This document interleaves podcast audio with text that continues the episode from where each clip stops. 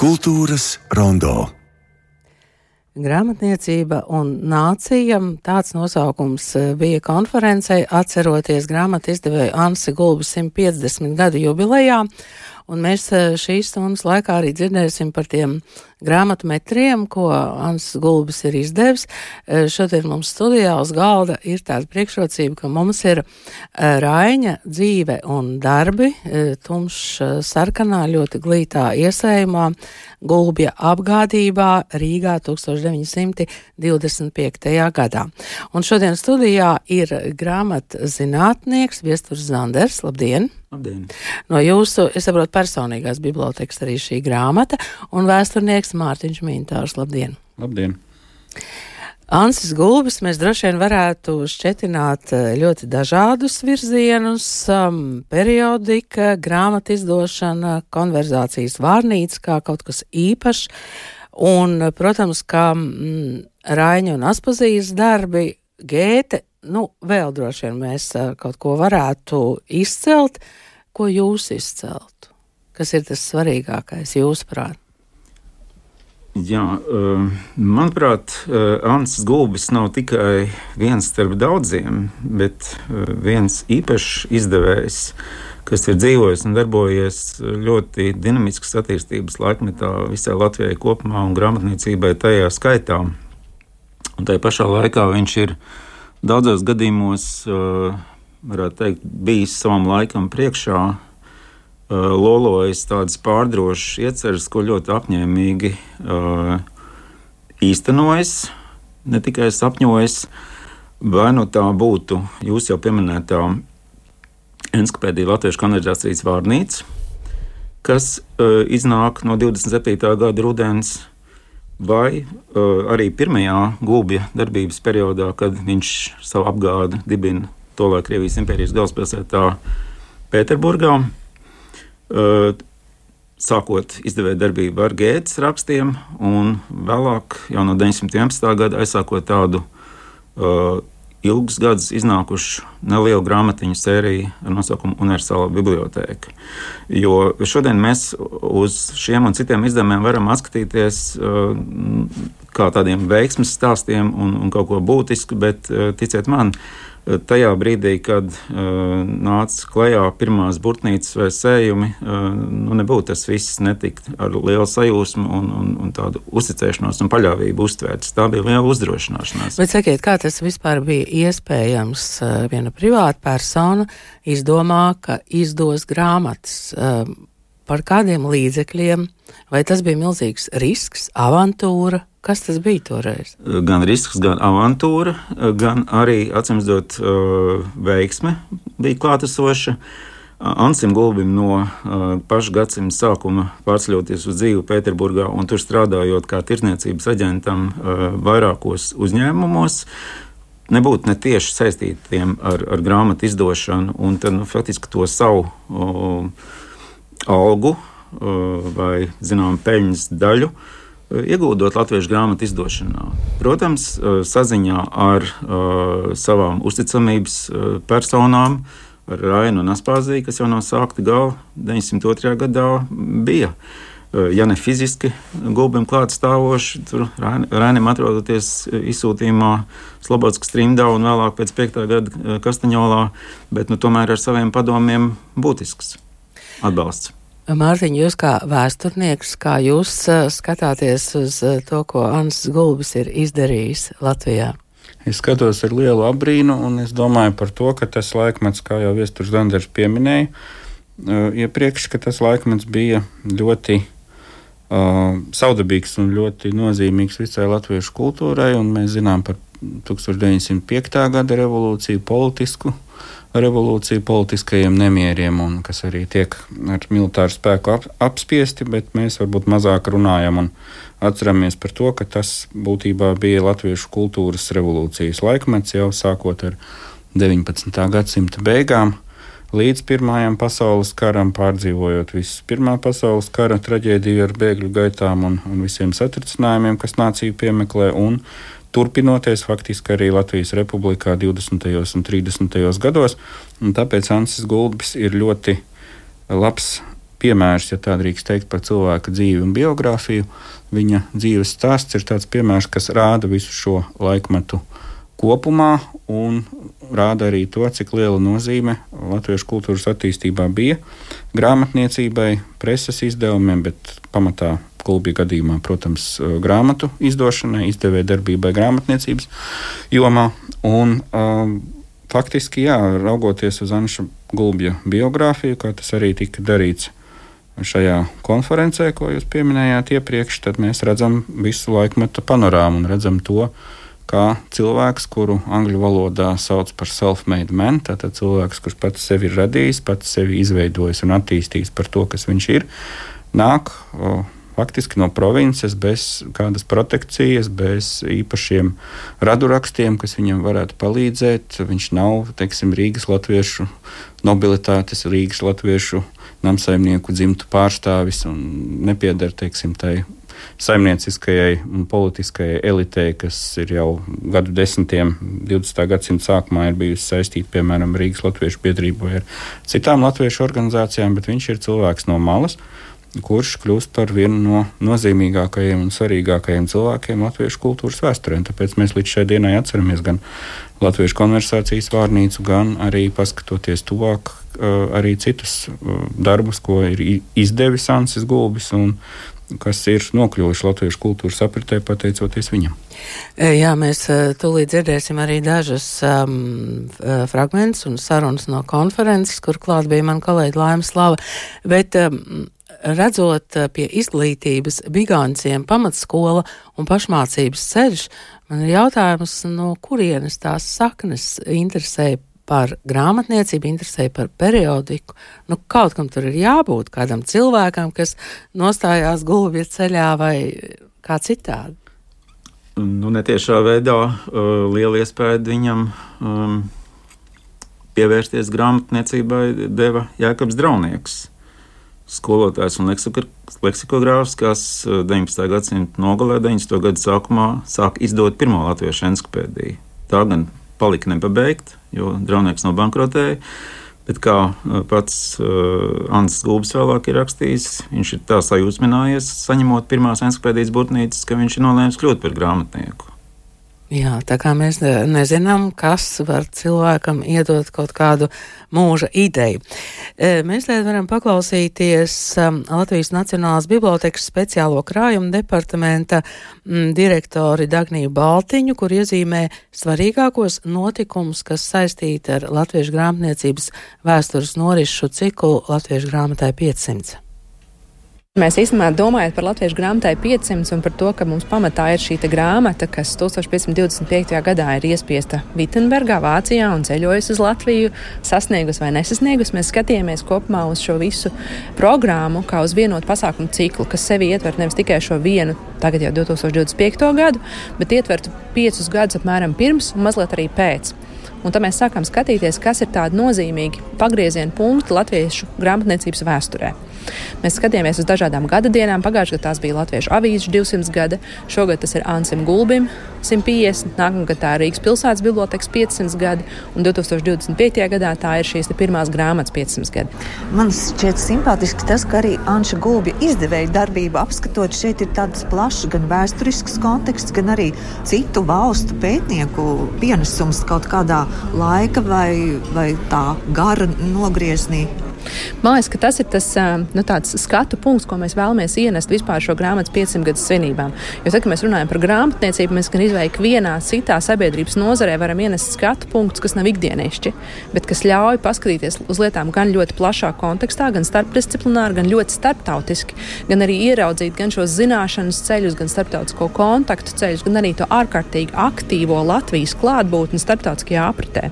Tagad arī mēs dzirdējām referātos, kādus darbus Ansis Gulbs ir rosinājis tulkot uz latviešu valodu, kādus darbus viņš ir rosinājis rakstīt latviešu valodā, ko viņš ir rosinājis publicēt, kā viņš ir rosinājis publicēt un šos darbus, teiksim, vest lielā apritē. Tas viss ir ārkārtīgi arī aktuāli un, principā, pasaules tendencēm līdzi ejoši. Un otrs punkts, ko mēs gribam pateikt un nu, uzsvērt ar šo grāmatas 500 gadu, un tā skaitā arī Arāņģa Gulbja 150. gadsimta atzīmēšana, ir tas, ka kopumā grāmata ir bijis milzīgs gan izrāvienu, gan atspērienu, gan attīstības pātrinājumu cēlonis vai iemesls latviešu sabiedrībā, ko mēs piedzīvojam principā no tā 1525. gada, ko šobrīd arī Mēlis eh, Frīdendāls ļoti liekas, skaisti tēloja, kā šī grāmata kļūst par vienojošo elementu un rada sabiedrības vienotību un izrāvienu. Konferences tā, protams, ir speciālistu satikšanās vieta, doma apmaiņa, bet arī lasītāji, kas iegriežas Nacionālajā bibliotekā par Ansi Gulbi, katrā no stāviem kaut ko var ieraudzīt. Jā, man liekas, ka tas arī mums, kā Latvijas Nacionālajā bibliotekā, ir bijis būtisks uzstādījums, ka tad, kad mēs runājam par kādu no šīm nozīmīgajām gadadienām, tas nav kāda viena atsevišķa cilvēka vai cilvēku grupas projekts, bet tas ir viss Latvijas Nacionālās bibliotekas tēls, jauda un tā kā tāds kopīgs uznāciens. Un tāpēc nevēl mums ir piektā stāvā izlase, mums ir trešā stāvā izlase, un tad vēl ir šī nācijas vertikāla, kurā ir uzstādīti visi šie Anča gulbi izdotie darbi, kas, kā mēs dzirdējām, ir ap diviem tūkstošiem. Un kā tad īsti arī izskatās tīri fiziski lasītājiem, kurš varbūt nezina, kas ir Ancis gulbis, kas varbūt nezina visas šīs grāmatas un to nosaukums, bet kas tīri fiziski tagad ienākot bibliotekā var viegli iztēloties, kāds izskatās šis grāmatu krājums un uh, veikums, kas tiešām ir mērāms metros. Un vēl to sauc par gulbju metriem. Un tur var redzēt, cik daudz aptuveni, ko mēs arī redzam līdz pat piektiem stāvam, tik daudz arī fiziski aizņem metrus Anča Gulbi izdotās grāmatas. Jā, tā Dagnija Baltiņa arī par um, manis jau iepriekš pieminētajiem gulbja metriem, uh, tātad grāmatām, cik daudz viņš ir izdevis. Šodien studijā ir Viesturs Zanders un Mārtiņš Mintāurs. Nu, mēs pieminējām konverzācijas vārnīcu, mums priekšā ir aina dzīve un darbi, tad tie varētu būt tie svarīgākie uh, darbi, ko gulbs izdeva, vai Jūs tur pieminējāt vēl ko? Dzīve un darbi, desmit sējumi, viena 1925. gada laikā un vēl viens pēc uh, dzinieku nāves.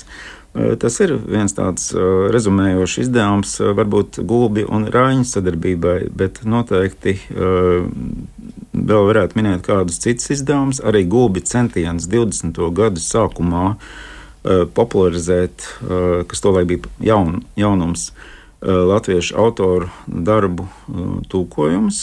Tādēļ šī sērija ar nosaukumu Latvijas literatūra Eh, saņemot zināmu kultūras fondu finansiālu atbalstu, izdotas grāmatas, kuras gulbis mērķiecīgi piesūtīja Latvijas diplomātiskām pārstāvniecībām ārzemēs. Tā tad vāciski, jā? Vāciski, jā. pārsvarā klasiķi, protams, arī Rāns un Aspāzija un Blaumanis un Brigadere. Uh, Latviešu lirikas antoloģija Alfrīdas Ekārtas kalpas tulkojumā. Tātad piesūtīja uh, citu, citu valstu preses izdevuma redakcijām, mēģinot arī sagādāt nu, tādu preses atsauksmu klāstu, kas varētu ieinteresēt uh, par pārējai Eiropai līdz tam maz zināmiem latviešu autoriem. Un tas faktiski bija tāds gobis solo gājiens. Mārtiņ, kurus darbus jūs vai kuras grāmatas no tiem gulbju metriem jūs izcelt? Tur ir daudz grāmatu, kuru, bū, kuras būtu jāizceļ. Protams, ka konversācijas vārnīca ir pirmais, kas nāk prātā. Un ar to arī uzzina par, par Anšu gulbju izdevniecību, un tad jau tā interese iet arī tālāk. Ansim gulbim ir arī paša veidoti literāri darbi, un atkal jāsaka, ka no vēsturnieku viedokļa ir interesants viņa arī autobiogrāfiskais romāns par, par to laikmetu un par viņa paša dzīvi 20. gadsimta sākumā un par to, kā tas viss ir veidojies. Tāpēc te jau kolēģis Viesturs pieminēja universālās bibliotekas sēriju, kas arī ir tāds augs, kas ir introducēts Latvijā, ņemot par paraugu to, kā tas ir darīts vācu grāmatniecības tradīcijā. Tā ir arī sērija, kas pārdzīvoja Pirmo pasaules karu un turpinājās arī 20. gados. Un, un arī, arī konferencē bija, bija iespēja par vairākiem šīs sērijas darbiem mm, runāt vairāk un, un, un paskatīties tuvāk, kas tur ir iznācis. Un tas arī ir ļoti plašs uh, lauks, kas tiek, uh, kuru aizpilda faktiski gulbja interese gan par literatūru, gan par latviešu literatūras klasiķu darbu izdošanu, gan par šo ziņu literatūru, bet arī par to, ko mēs šodien sauktu par ideju vēsturi. Tad, tad uh, arī tajā universālās bibliotekas sērijā ir gan laikmetīgo autoru darbu tulkojumi no dažādām valodām. Uh, gan arī, piemēram, Ata Kronvalda tautisko centienu jauns izdevums 20. gadsimta sākumā.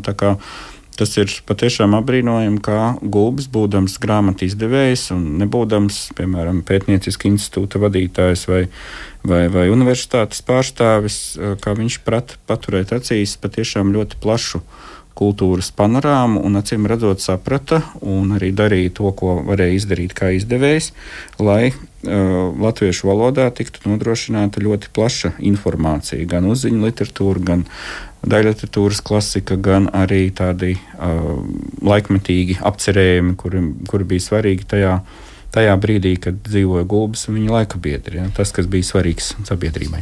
Jā, es saprotu, ka mm, viņam bija arī tāda pārliecība, ka literatūrai ir jābūt demokrātiski pieejamai. Un tāpēc viņš meklēja mm, dažādus veidus, kā izdot darbus. Un jūs jau šeit pieminējāt um, periodisko darbību vai periodiku. Uh, Un konferencē bija īpaša sesija Ansis Gulbis izdevēja darbības milzis. Un Latvijas Nacionālās bibliotekas periodikas nodaļas galvenā bibliogrāfe Kristīna Papule iezīmēja jomu, kura Gulbim nu, nav bijusi pārāk veiksmīga. Viņas pētījuma tēma, Anna Gulbis kā laikraksta un žurnāla izdevējs, viņa arī citēja Anša Gulbi teikto, esmu savā laikā mīlējis izdot avīzes, diemžēl tā bija pavisam nelaimīga mīlestība. Turpina Kristīna Papula. Jāmin, ka, protams, to izdevumu skaits ir pavisam neliels. Prezentācijā es rādīju septiņus izdevumus, pie mums trešajā stāvā var apskatīt sešus. Ja? Faktiski visi Anša Gulbja izdotie periodiski izdevumi ietilps divas vitrīnas. Šai ziņā tas rāda tādu izcili izteiktu kontrastu starp viņu kā grāmatu monogrāfiju izdevēju un starp viņu kā periodikas izdevēju. Jo arī man pašai, pirms es sāku to visu pētīt, nu, teiksim, tā, es neko īsti daudz nezināju par to tēmu. Jā, labi, es zināju, ka Ansis Gulbis izdeva Latviju grāmatu, bet ar to kaut kā visas manas zināšanas aprobežojās. Un, tad, kad es sāku pētīt, kādi vēl izdevumi ir mūsu krājumā, atradu, kas vēl ir pieejams, tad es arī sapratu, ka tas ir savā ziņā ļoti liels paradoks, kāpēc tik veiksmīgs izdevējs tik daudzu ilgu gadu garumā ir mēģinājis izdot arī laikrakstus un žurnālus, un viņam īsti nekas nav sanācis. Nu, tieši ja mēs runājam par komerciāliem kaut kādiem panākumiem. Un, jā, šis pats izdevējs arī saka, ka tā ir viņa nelaimīga mīlestība, laikrakstu izdošana izdošana viņam sagādājusi lielu vilšanos, nu, tad, tas arī ir aiz tādu interesi, nu, kāpēc tas ir uh, sanācis. Jā. Laikam jau sākums ir ar to pašu pirmo, kas bija kā projekts un arī tika noraidīts pavisam absurdu Jā. apstākļu. Tā dažkārt tā arī saka, nu vienkārši nu, neiet, nu kaut kā nu, nu nesanāk. Un um, cik es sapratu, jau 20. gados tas mulsināja arī tos pētniekus, kuri jau mēģināja pievērsties Anša Gulbi izdevēja darbībai, uh, rakstīt kaut kādus pārskatus par viņu. Nu, un tad uh, parādījās arī tie izpilduši formulējumi par to, ka pasākumam pietrūka dvēseles. Bija, nu, protams, tikai viens finansiālas problēmas un tā tālāk un tā joprojām. Bet no otras puses, ja mēs paskatāmies tādā plašākā kontekstā, un manuprāt, tā iespējams arī ir galvenā problēma, tieši tās īpatnības, kas palīdzēja Ansim Gulbim tā, tikt pie tik lieliem panākumiem grāmatu izdošanā, tas pats sagādāja viņam faktiski problēmas periodikas izdošanā, jo laikraksti un žurnāli tomēr ir tāds specifiskāks izdevuma veids, kas prasa arī tūlītēju varbūt reakciju, ja mēs runājam tieši par pieprasījumu no publikas puses. Un savukārt Ansis Gulbis, kā uh, monogrāfiju, kā grāmatu izdevējs, vairāk bija tendēts uz tādām paliekošām, vēsturiskām vērtībām. Un tas sava ziņa ir pretrunā ar to saturu, ko parasti piedāvā laikraksti vai žurnāli. Tātad tur ir jārēģē ļoti ātri. Savukārt Ansis Gulbis, kā piemēram atzīmē vēsturnieks Arvids Švabe, savus līdzekļus ieguldīja tādus pasākumus, tādus projektos, kas rentējas lēni, bet labi. Jā, tad, tad tas viss prasa laiku. Bet laikrakstī, diemžēl, ir tāds izdevuma veids, kurš prasa ātru kaut kādu reakciju uzreiz. Pielāgoties publikai, varbūt ļoti smalki just, kāds ir pieprasījums no publikas puses. Un redz, kā viņš gribēja arī konkurēt ar jaunākajām ziņām. Kā... Jā, un faktiski viņam tas, ja mēs runājam tieši par Rīgas uh, ziņām, ja mēs šķirstam uh, Rīgas ziņās, tad uh, tas satura raibums tomēr arī nedaudz mulsina, jo tur ir gan pavisam dzeltenas publikācijas, gan centenērie piedāvāt kaut ko populāru, zinātnisku un kvalitatīvu. Šis saturs līdz ar to paliek tāds ļoti, ļoti neviendabīgs. Tad, tad uh, var redzēt, ka tomēr atkal vajadzēja to laiku, lai tas varētu nostabilizēties. Ja? Bet atkal šeit ir jāatcerās arī tas, ka Ansis Gulbis Rīgas ziņām bija tikai viens no izdevējiem, tad viņš darbojas kā līdzizdevējs.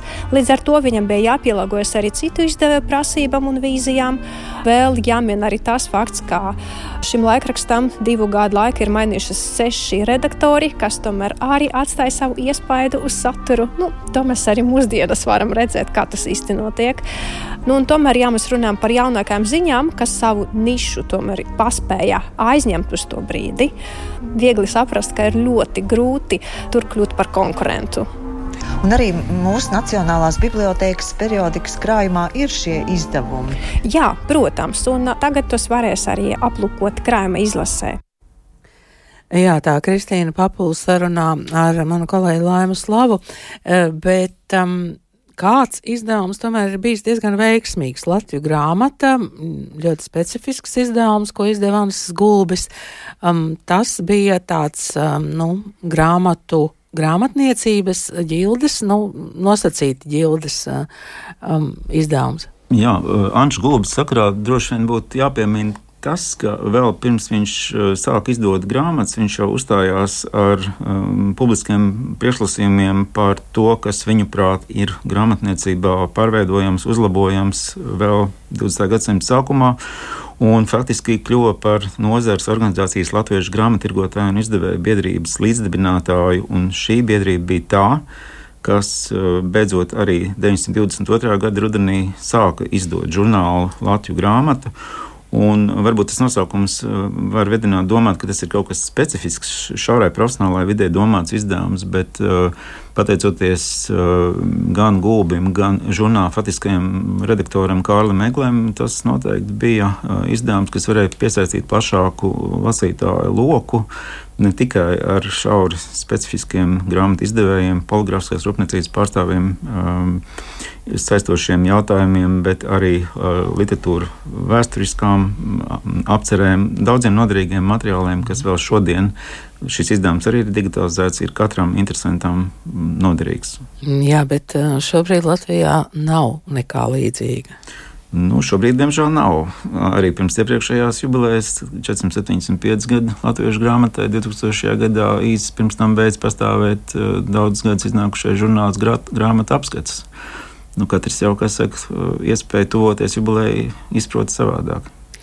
E, jā, kamēr skanēja ieraksts, e, mēs arī runājām par to vēsturisko fonu, jo šobrīd mēs runājam par e, nu, 25. gads un tam līdzīgi, bet kas ir tas laiks, kad um, Ansis Gulbis sāk savu grāmatu izdošanu?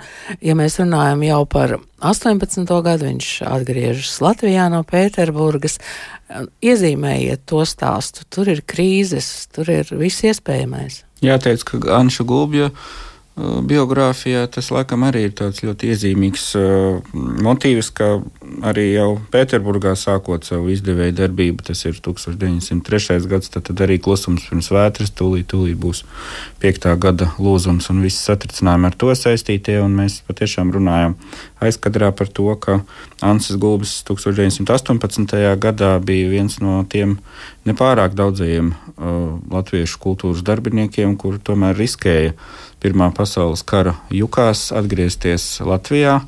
Tad, kad te vēl ir vācu okupācijas vara 1918. gada vasarā, un tad 18. gada nogalē Pirmais pasaules karš Eiropā arī beidzas, bet vēl ne gluži Austrum Eiropā, tad ir Latvijas valsts dibināšana, un tad uzreiz seko jau 18. un 19. gada mijā, faktiski seko Pētera Stučkas vadīto lielinieku, ja bolševiku iebrukums un sākas neatkarības karš. Un 19. gada uh, visa centrifūga, kas griežas ar vien ātrāk, un kur Latvijā paralēli pastāv trīs valdības, un nav skaidrs, kā beigsies šis neatkarības kara cēliens līdz pat 19. gada beigām, līdz pat Bermuda sakāvē pie Rīgas. Tāpēc tas ir ļoti um, saspringts un traģisks laiks, kurā Ansis Gulbis tomēr ir nolēmis atgriezties dzimtenē un arī ne tikai atgriezties, bet arī mēģināt atjaunot savu profesionālo izdevēju darbību, par ko viņš arī publicē paziņojumus laikrakstos un mēģina to uh, īstenot, īstenot dzīvē. Nu, pēc tam jau pēc neatkarības kara beigām tas jau ir tāds miera periods, ja, kad valsts ir ne tikai nodibināta, bet arī izcīnīta. Tad jau vairāk vai mazāk ir iespējams atgriezties pie, pie normālas dzīves. Bet 1918. un 19. gads, nu, faktiski līdz 20. gada vasarai, tas ir ļoti satraukts un, un, un traģisks laiks Latvijas vēsturē, kad uh, situācija mainās brīžiem dažu dienu, nedēļu ietvaros. Kas tālāk? Mm, konference ir bijusi, Anša Gulbja jubileja ir bijusi, uh, grāmatai 500 tas turpinās. Vai jūs paredzat, ka varētu būt arī kādi pētījumi Anša Gulbja sakarā?